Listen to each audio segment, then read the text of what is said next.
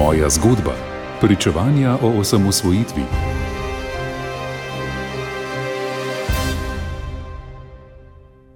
Dober večer, drage poslušalke in dragi poslušalci, spremljate oddajo Moja zgodba. Danes jo bomo spet posvetili zborniku z lepilom na podplatih. Ob 30-letnici samostojne Slovenije je ta zbornik išel pod uredništvom dr. Ivana Štuheca. Več avtorjev v svojih eh, razmislekih govori o stanju pred 30 leti, analizira pa tudi, kaj se je do danes zgodilo, in pa seveda ponuja določene rešitve.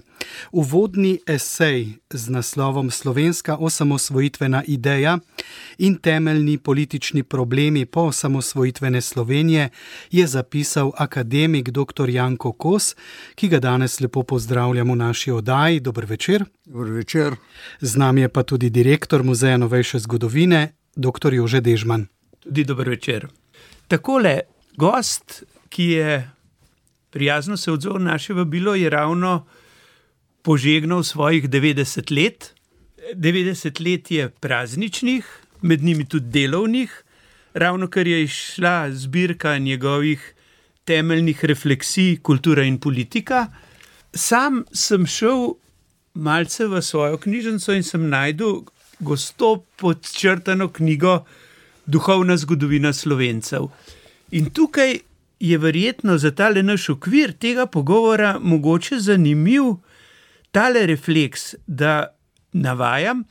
Komunizem se je s tem v slovenskem duhovnem razvoju v teh desetletjih izkazal za ničnega in skoraj neobstojnega. Ampak potem pa lepo veste, da kljub vsemu je v tem komunizmu se pa rojevala tudi nova potenca, nov zgodovinski razvoj. Dilema, ki jo pa navajate v tem zadnjem članku, v zborniku z lepilom na podplatih, kjer je pa naslov, kot smo rekli, slovenska osamosvojitvena ideja in temeljni politični problemi po osamosvojitvene Slovenije. Pa pravite, dediščina, ko je socializem zapustil samostojni slovenski državi, so torej neravnotežja na vseh ravneh obstoja in razvoja. Se pravi, kljub vsemu je teh 30 let zaznamuje tudi soočanje z dediščino, ki je precej, recimo, prazna, zraven pa zelo obremenjujoča. No, vaša definicija je pravilna. Mislim, da je to nekako res. Po eni strani, kot vemo, ideja komunizma, o čemer razmišljam v eni od teh kolumn v tej knjigi Kultura in politika, je bila prazna od vsega začetka. Se, se da dokazati, da pravzaprav je Marx in Engels nista razvila v svojem znamenitem komunističnem manifestu iz leta 1848 in je ostala vse čas prazna, dokler je nico v času Lenina in Stalina poskušali napolniti z neko realno zgodovinsko vsebino. Ampak ta realna zgodovinska vsebina je bila zelo trhla in na zadnje se je izkazalo, da ta ideja tega komunizma ostaja prazna in navidezna. To je moja eh, teza v tej knjigi Kultura in politika. In verjetno sem iz tega izhajal tudi v tem članku, kjer se ustavim zlasti ob pojmu socializma. In se sprašujem, kaj je pravzaprav bil ta real socializem v Sovjetski zvezi in seveda v komunistični Jugoslaviji in tudi v komunistični Sloveniji. Kakšen socializem je to bil? Moj odgovor je sociološki, da je bil to v bistvu državni suprakapitalizem in nič drugega, preoblečen v neko ideološko eh, obleko, ki se je reklo, seveda, socializem. Jaz mislim, da tu je neko osnovno mm, nesporazumevanje o tem, kaj in kako naj bi socializem bil. Problem je bil od vsega začetka, že od tako imenovanih utopičnih socialistov na začetku 19. stoletja, ta, da pravzaprav so si oni predstavljali socializem kot res neko popolno podružbljanje življenja. In seveda v resnici je pa komunistični manifest že leta 1948 mislil na popolno podržavljanje življenja kot neka umestna stopna v končno eh, fazo, ki bi bila brezrazredna družba, se pravi nekakšen komunizem. No, skratka, moja teza v tem eh, članku v z lepilom na podplatih je vsekakor ta, da socializma pri nas ni bilo in ga tudi ne more biti, ker je ta pojem sam po sebi protislaven da ni mogoče popolno podružbenje življenja, kajti tu je vendarle država. In mislim, da osnovni problem eh, komunizma in komunistov je bil ta, da so seveda zavračali državo, govorili so o tem, da mora odmreti in tako dalje. To, je, to ni bilo realno, kajti ravno oni so izvajali popolno podržavljanje vsega življenja. V tem je neko protestovje bilo in to je verjetno glavni razlog propada tega eksperimenta pri nas in Sovjetski zvezi, in tako dalje, in verjetno še v drugih eh, državah, ki so se imele ali se imajo za komunistične. Tako da to je zapletena problematika, ampak jo je treba naposled le domisliti do tega, kaj je s tem socializmom in kaj je s tem komunizmom, da so ti pojmi ali prazni ali protislovni ali navidezni, in tako dalje. In tako dalje.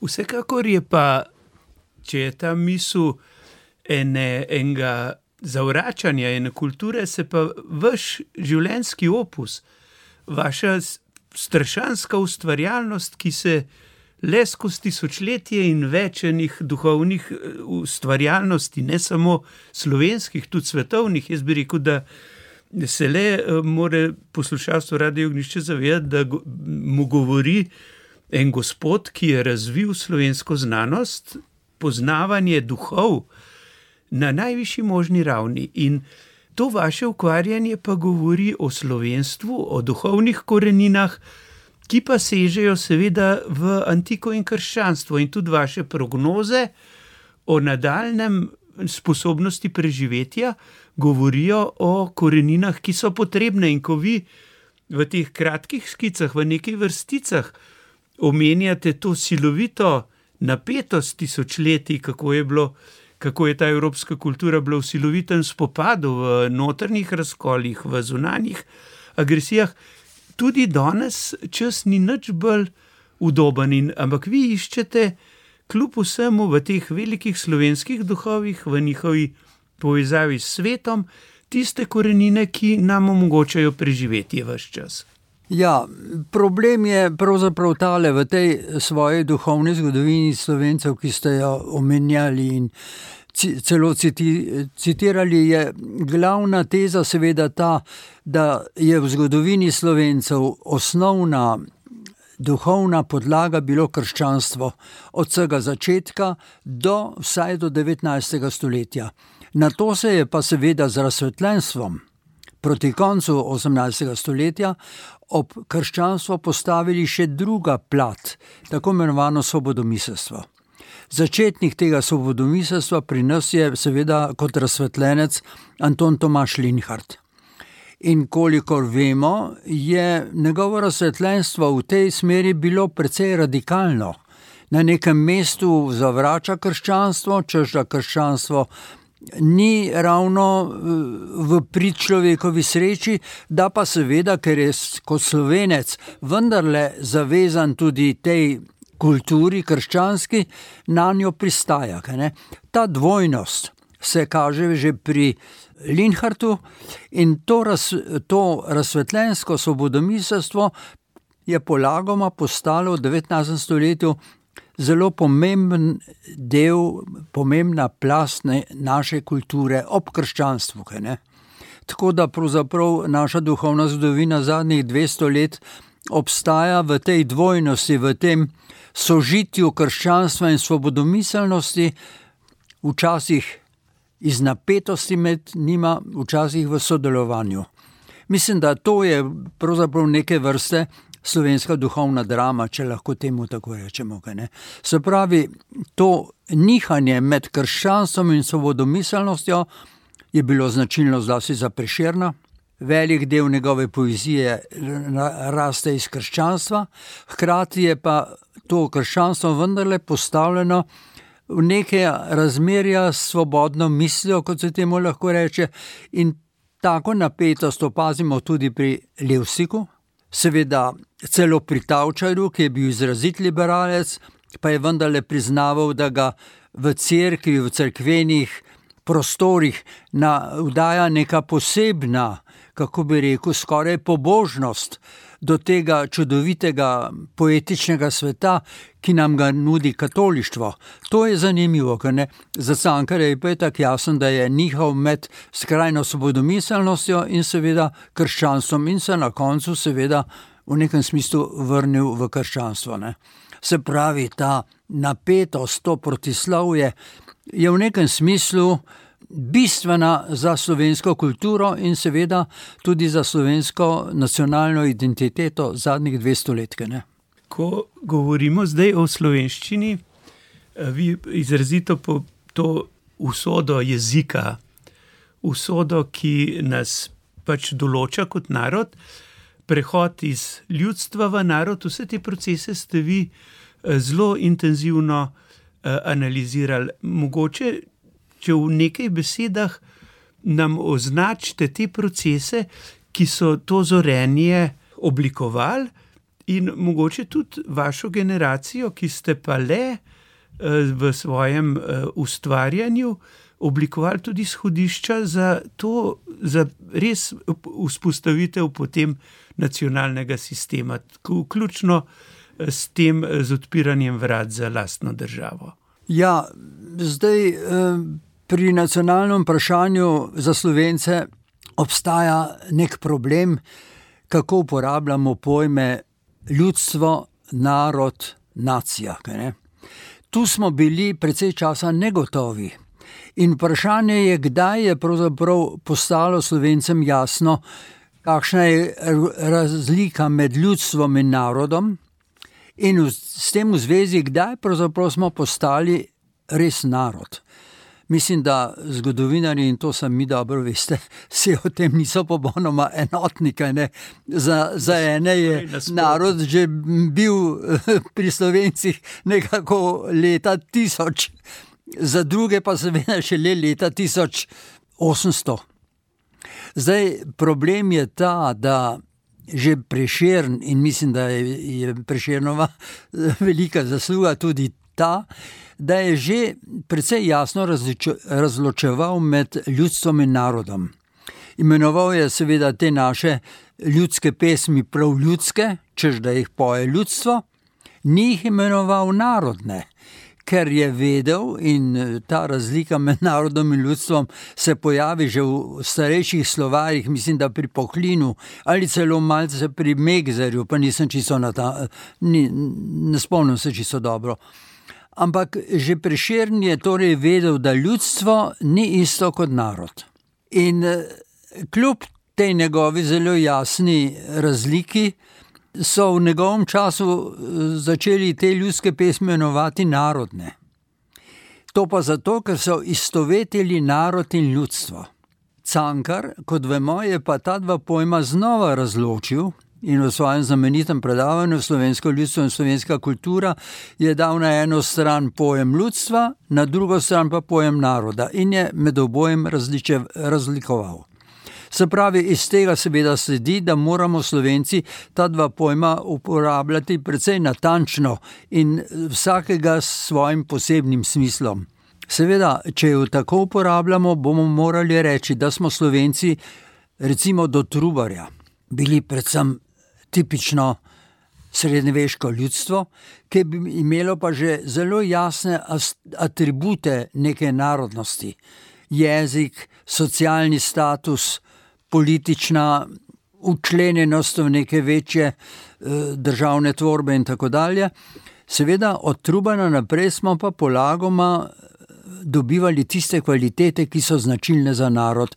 In to seveda je zlasti enoten knjižni jezik. Brez tega ni duhovne kulturne skupnosti, ki se je le, lahko reče narod. Tako da tu uh, gre za nek proces, zgodovinski proces iz ljudstva v narod in na zadnje seveda v nacijo. Če pod nacijo pa razumemo to, kar se tudi v zahodnem svetu tako imenuje, recimo nation, ne, to je vendarle več kot samo narod, to je država, ki sloni v narodu ali iz, iz njega naraste. Skratka, polagoma smo prišli, mislim, da do tega je prišlo zase v krogu nove revije, tam že pred letom. 1990, da je treba zdaj te pojme tako razočevati, da vidimo v naciji tisto zadnjo fazo v nastajanju teh skupnosti.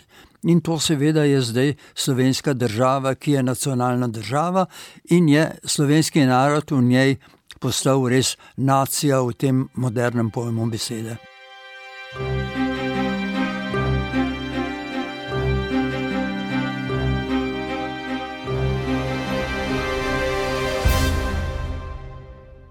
Spremljate oddajo, v kateri gostimo akademika dr. Janka Kosa, tudi soavtorja zbornika z lepilom na podplatih in pa knjige Kultura in politika obe se dotikata 30-letnice samostojne slovenske države v zborniku z lepilom na podplatih o slovenski osamosvojitveni ideji in temeljnih političnih problemih po osamosvojitvene Slovenije, piše dr. Kos, direktor Muzeja novejše zgodovine, dr. Jože Dežman.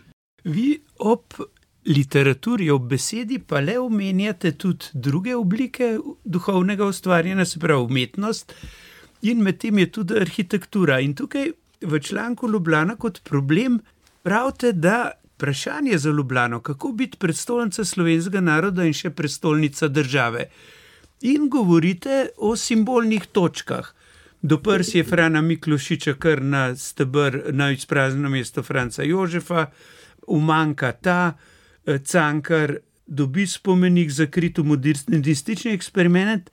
Se pravi, vaša teza je, da se Ljubljana ni gradila kot predstolnica slovenskega naroda, ampak bolj kot bančno, trgovsko in gostijsko središče socialistične Slovenije. Se pravi, odgovornost strok različnih in ustvarjalcev za gradno države je, vi izrazito dojemate kot večplastno.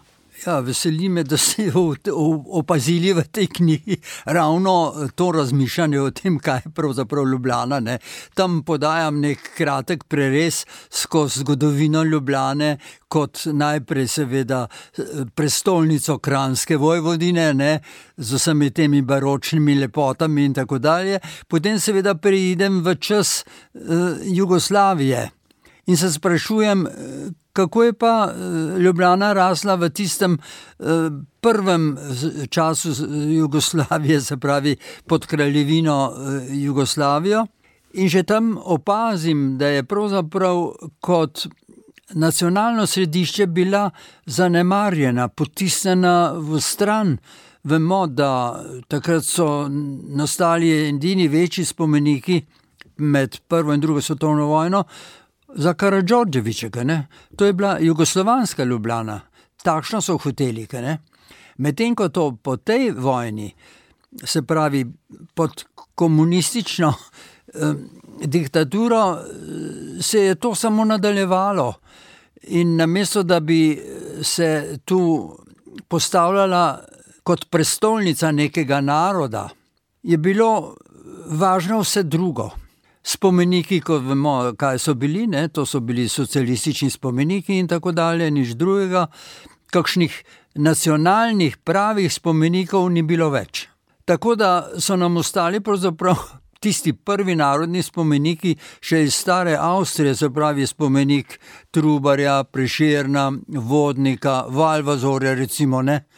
To so postavili Slovenci že takrat, da bi nakazali, da je vendarle Ljubljana prestolnica slovenskega naroda.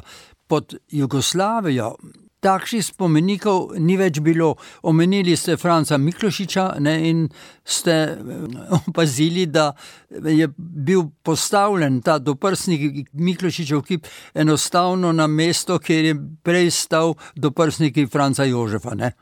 To omenjam eh, malce humorno zato, ker je ta Miklošičev dobrstni kip eh, delo mojega očeta. Tako da žal je moral najti mesto tam na izpraznjenem mestu prejšnjega cesarja. No, ampak ne glede na to, zdaj, kaj je pa Ljubljana v tej 30-letni dobi postala. Tu je pa seveda upravičen eh, dvom, da pravzaprav se ni v ničemer poskušala spremeniti v pravo prestolnico slovenske države. To, kar je nastalo, je tako bolj postranskega pomena, nobenih pravih spomenikov zaslužnim slovencem, ki so res zaslužni, nobenih takih del, ki bi predstavljala Ljubljano kot res prestolnico enakovredno drugim evropskim prestolnicam.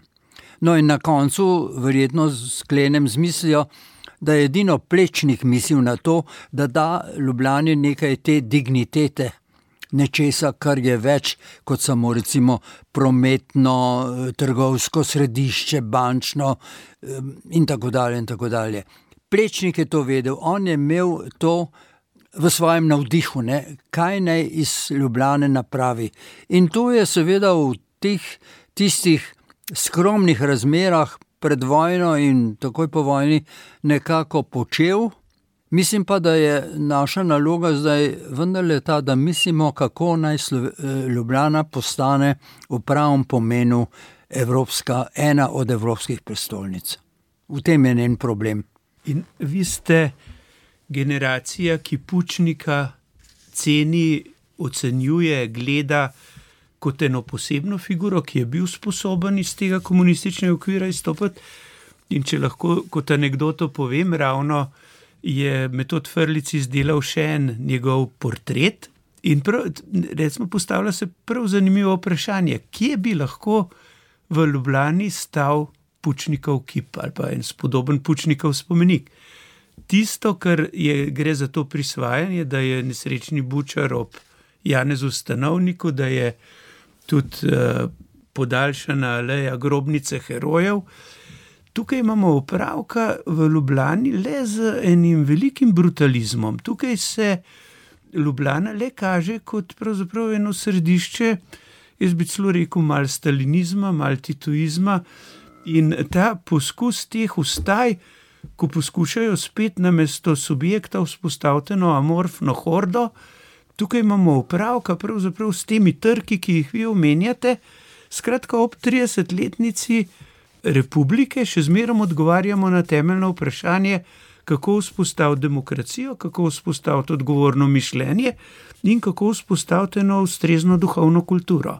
Ja, to je problem, ki ga nakazujejo ravno ti le spomeniki, ki so ali ki niso. Kaj, Jaz mislim, da bo treba misliti na to, da opremimo Ljubljano vendarle z nekimi spomeniškimi obeleži, ki so temeljni za slovenstvo.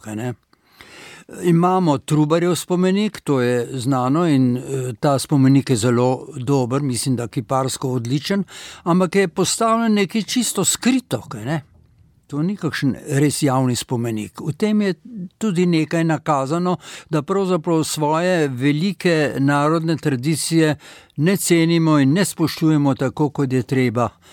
No, obstaja seveda vprašanje, zakaj nimamo pravega cankarevega spomenika. V tem je bil problem že pred enim letom in več, ko smo pri Zboru za republiko želeli, da se tak spomenik vendarle postavi in to na vidnem mestu, tako kot je recimo Preširnov. In tako dalje, in tako dalje. Ne. Se pravi, gre za neko simboliko spomenikov, ki ni taka, da bi ustrezala, recimo, samostojni slovenski državi in seveda Ljubljani kot njeni prestolnici. V tem je kar velik problem. No, ampak tukaj gre pa le tudi za problem enega intelektualnega okolja, sej če kljub vsemu je svetovni komunizem, njegova doba je minila, doba nacionalnih držav je pa zdaj v polnem razcvetu, se pravi, večina človeštva živi in v nacionalnih državah, in v kapitalizmu. Ampak ali je tukaj pri slovencih, imamo spet opravka z enim zamudništvom ali z nesposobnostjo ceniti svoj zgodovinski domet. Ker kljub vsemu ti koraki, ki jih tukaj omenjava, bi mogli preprosto slediti enemu zorenju. 30 let, če pogledamo leta 75, se postavi spomenik revolucije, največji bronasti kip tedanje Jugoslavije. Republika te ambicioznosti nima. Za ena simbolna dejanja in pa za resno refleksijo, se pravi, mal, če pogledamo, recimo, svetokriškega, slo, te slovarje njegove, pa pohlinove, se to so ravno taki heroji slovenske besede, kot je bil Trubar. Ampak mi imamo le ogromno množico ljudi, ki to slovenščino vzdržuje tako, da lovi, recimo, hitrost razvoja, da jo usposablja, se na vse zadnje, če ne bi bili tudi mi lahko furlani brez slovence in brez jezika sposobnega življenja nacionalne skupnosti. Tukaj jaz mislim, da bi pa le tudi stroke so dolžne en, en temeljni razmislek v tej smeri narediti. Mislim, da gre problem, ki ga omenjate, seveda je v tem, da pravzaprav katere osebnosti so take. Res zaslužne za slovenski narodni, socialni, kulturni razvoj, in katere ne. Zdaj, Trubar je bil v času liberalizma, našega klasičnega liberalizma, priznan za veliko figuro, kar dejansko je, ampak v glavnem zato, ker so mu pripisovali, kot da je on nekakšen predhodnik nekakšnega liberalizma, nekakšne svobodomiselnosti ali celo socializma ali česa takega, kar je seveda popolnoma narobe. Njega je treba jasno razumeti kot pomembno versko figuro, naš protestantizem je bil vendarle versko gibanje, in seveda kot začetnika nekega procesa, ki je vodil v narodnostno zavest in končno tudi v formiranje naroda. No, in zato kot tak je pomemben. So pa pomembni še drugi avtori, mislim, da ste omenjali zdaj le Pohlina, recimo absolutno zelo pomembna osebnost, s slovnico, z številnimi takimi in drugačnimi deli, ampak pomembnega predvsem zato, ker je storil tisto, česar Trubar še ni. Trubar nas je ločil od Hrvatov. To je zelo pomembno dejstvo. On je odklonil, da bi pisal v hrvaščini sodeloval je s Hrvati pri tistih protestantskih tiskih, ampak tu je napravil ostro ločnico med slovenščino in hrvaškimi, recimo, dialekti oziroma knjižnim jezikom. In to je bila podlaga sploh za avtonomijo slovenskega jezika in seveda kulture.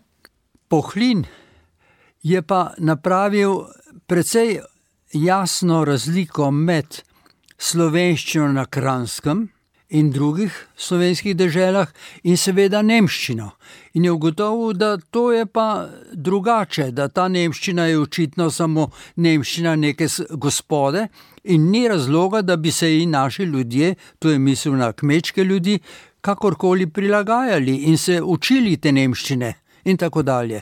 Skratka, Pohlin je zelo pomembna figura v razvoju naše narodne in seveda tudi nacionalne zavesti. Tako da Pohlinu so seveda njegovi razsvetljenski nasprotniki, to so bili Cojs, pa Linhard, deloma tudi vodnik, učitali marsikaj. In nekako mu nepravično odrekali neke velike zasluge. Jaz mislim, da je čas, da kulturna zgodovina, tudi literarna zgodovina, to nekako popravi. In seveda s tem tudi pohlinu da nek pomen, ki ga dejansko ima, ampak ne gre samo za pohlina v naši eh, literarni, kulturni, politični zgodovini. Je precej teh osebnosti, ki so bile v socialnem, ideološkem smislu konservativne, kaj ne? Jaz mislim, da ta konservativnost je bila pomemben del naše nacionalne zgodovine in je še danes zelo pomembno. Zlasti zdaj, ko vidimo, da vendarle ob tako imenovani progresivnosti je vse čas pomemben delež tudi v konservativnosti, ki ohranja neka stanja, neko tradicijo, brez tega, seveda, smo izgubljeni. Poglejte, jaz verjamem, da nam je naš imeniten sogovornik preprosto dal za praznovanje 30-letnice več kot dovolj dragocenih spodbud.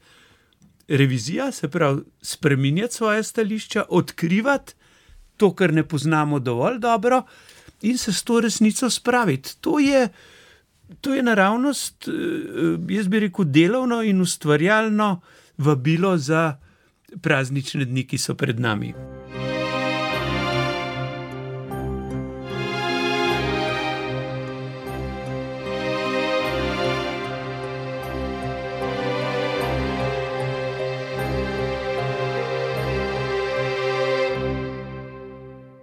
Spremljate oddajo, v kateri gostimo akademika dr. Janka Kosa, tudi soavtorja zbornika z lepilom na podplatih in pa knjige Kultura in politika.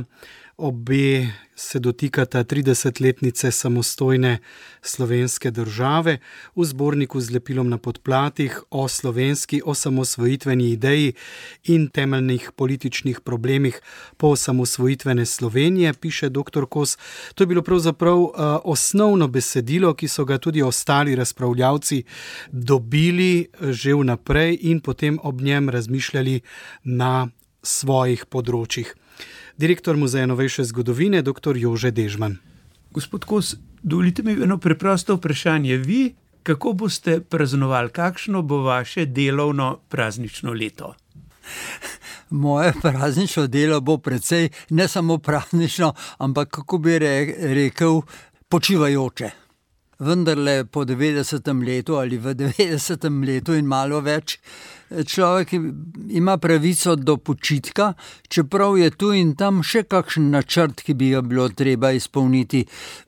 Trenutno, če sem čisto iskren, bi se moral zelo ukvarjati s tole zanimivo, ampak precej hudo temo, platonizem v slovenski kulturi in literaturi. Zdaj, kaj je platonizem, kaj ne? Da je to neka višja oblika duhovnega in kulturnega življenja, izjemno pomembna za, tudi za sodobno Evropo, ko se v marsičem vračamo k Platonu. In je treba zdaj raziskati, kdaj in kje so bili Slovenci zreli za sprejem tako visoke filozofije kot Platonova. Tu mislim na Sokrata, Platona, Aristotela, ampak med temi vendarle postaja za nas pomemben zlasti Platon in po mojih eh, domnevah. Je vstop v platonizem na tej ravni, nečesa višjega, presežnega, spiritualnega, prvi zaslutil preširn.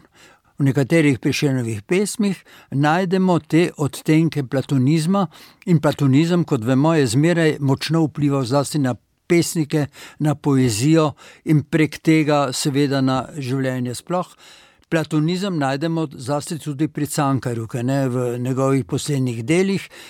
So glavne ideje o umetnosti, življenju, mogoče metafiziki, platonske povezane s krščanstvom. Namreč. No, skratka, to je tema, ki bi se ji rad po svetu, če bi imel dovolj časa, seveda, in priložnosti za to. To je pa odvisno od življenja v času epidemije in kakšnih, kako bi rekel, bolj napetih političnih okoliščinah. Zate pa še ne vemo, kakšne bodo in kako jih bomo prenašali. Ja, to je vprašanje, ki se tiče vseh nas. Jaz verjamem, da lahko vsem uh, poslušalkam in poslušalcem iskreno priporočimo branje Kultura in politika, zbirko refleksij Janka Kosa, ker tukaj gre pa le misel, ki je v recimo strani dveh, se loteva najbolj zapletenih problemov. Tukaj ste na en način poskušali, na preprost način, odpreti, eh, pravzaprav od leta 2012-2019, pravzaprav bravcu revije Demokracija, probleme na, na razmeroma dostopen način. Tukaj je cel kup problemov, ki so odprti, so odprti na najbolj ambicioznem volumnu, ampak tako, da lahko nagovorijo marsikoga. Ja, mogoče ne samo, da sem jih odpiral bralcu, predvsem sem jih odpiral sebi. Ob vsakem teh problemov sem moral krepko premisliti, kaj je to in kaj ni, kje je treba razširiti kakšen vidik, kakšen pojem, bolj, bolje pojasniti. In to se dogaja v tej knjigi na mnogih mestih. Mislim, ne samo recimo, pri, pri spomenikih v Ljubljani, ampak v takih globljih vprašanjih. Kako je z metafiziko, kako je z nihilizmom, kako je z našo levico, in tako dalje. In tako dalje. In tega je veliko. Tudi spravo, spravo tudi načenjate. Spravo na več mestih, v nekem smislu z nekimi pridržki, pa vendarle željo, da bi do sprave prišlo. To je zdaj ta veliki problem, kaj je s to spravo, kako jo naj izvajamo ali ne. O tem pišem na več mestih, se pravi, tu sem se moral dejansko soočiti s temi vprašanji kolikor se je dalo. Ne. Skušal sem pa ta vprašanja formulirati čim bolj, ne samo jedrnato, kot pravim na začetku, ampak čim bolj preprosto, se pravi, bolj nazorno, ne, nečučeno, ker to za bralca, pa tudi za me, ni več tako zelo vabljivo, čisto odkrito povedano. Naj gredo ti misli v duhovno zakladnico slovensko. Je ta teza, doktor uh, Janko Kos, z lepilom na podplatih vaša, eh, se pravi, da smo po osamosvojitvi zakorakali v novo državo, eh, tudi za neko pezo preteklega režima, ki se nas drži tako kot lepilo na podplatih in nam otežuje tisti pravi korak v, v svobodo. Ja, seveda, mislim, da ta naslov je kar primeren, čeprav moram priznati, da bom pa čisto odkrit, da najprej, ko so mi ga povedali, tako rekoč mimo GD, sem bil malce nezadovoljen, če da to je pa mečkano na hecen način. Ampak zdaj vidim, da je kar dober naslov to, da izraža tisto, kar je seveda bistvo te situacije, iz katere mi vsi izhajamo in o njej razmišljamo samo toliko. No, ampak vendarle gre tukaj tudi za, bi rekel, jasen, jasno prekinitev z totalitarno preteklostjo. Namreč nekateri bi radi pravzaprav nas še vedno prepričali, da gre za pri novi slovenski državi za kontinuiteto tistega, kar se je začelo že leta 41, 45 in tako naprej, in da pravzaprav do leta uh, eh, 91 je bilo zgolj dopuščeno, da se potem sama slovenska država osamosvoji, oziroma da so to neke težnje, ki so nas pripeljale do leta 91. Ampak vendarle gre za prekinitev z tisto logiko. Tukaj sta dva koncepta in dve različni državi. Ne samo, da je ta ideja o kontinuiteti seveda zgrešena, problem je v tem, da ta osamosvojitev je vendarle uresničenje ideje o samostojni državi. Ta ideja o samostojni državi se pa ni rojevala v našem komunizmu, sploh ne.